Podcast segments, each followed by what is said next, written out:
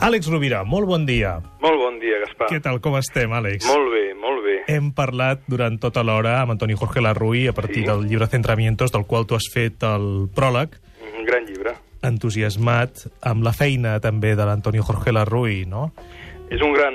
L'Antonio Jorge, a part de ser un gran amic, és una, és una gran persona, és una vella persona, i està fent una, una tasca molt important, mm, no només de continuïtat de la feina que en el seu dia va fer l'Antoni Blai Fontcoberta, sinó que ell també en si mateix té un segell de qualitat, un segell d'autenticitat molt, molt important. I pensant precisament en, en la veu autenticitat, Gaspar pensava que que bonica que és, no? Si la mirem en el diccionari hi ha paraules que giren al voltant, es diu que és autèntic qui és honrat, qui és fidel als seus orígens i conviccions. Eh, es parla d'autenticitat quan es certifica o es testifica la identitat i veritat de quelcom, i la veu autèntic compar comparteix ara l'etimològica en paraules com autonomia, com autoritat, com autodidacta.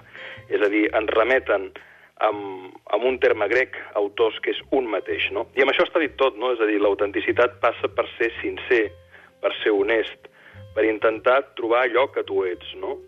Um, D'alguna manera, sembla que va ser Antoine de Saint-Exupéry, deia que el, que el veritable amor no és més que el desig inevitable d'acompanyar l'altre a que sigui qui en veritat és, no? Aquesta frase ens remet a l'autenticitat per l'altre, però també ens la podríem aplicar per nosaltres mateixos, no?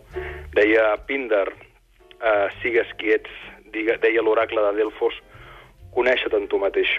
Probablement en la paraula autenticitat rau l'origen de l'ofici de viure. En la mesura que ens coneixem, en la mesura que ens reconeixem, en la mesura que ens anem despullant de personatges, com explica molt bé l'Antonio Jorge, i intentem trobar aquella, aquella nuor que tenen, per una banda, els infants, i per una altra banda, les persones molt grans que han viscut molt, que han estimat molt, que han patit molt i que s'han despullat de màscares, de personare, de personatges, trobem l'autenticitat. Per tant, és una invitació, l'autenticitat jo crec que és una invitació i a la vegada un objectiu. Àlex Rovira, amb el bloc de notes. Moltes gràcies, Àlex. És un plaer sempre estar aquí, cada diumenge amb, amb tots Fins vosaltres. diumenge de la setmana que ve. Una forta abraçada. Una molt forta abraçada. Gràcies Adéu. també a en Ricard Rotllano, el nostre monjo budista. Moltes gràcies. Fins ben aviat.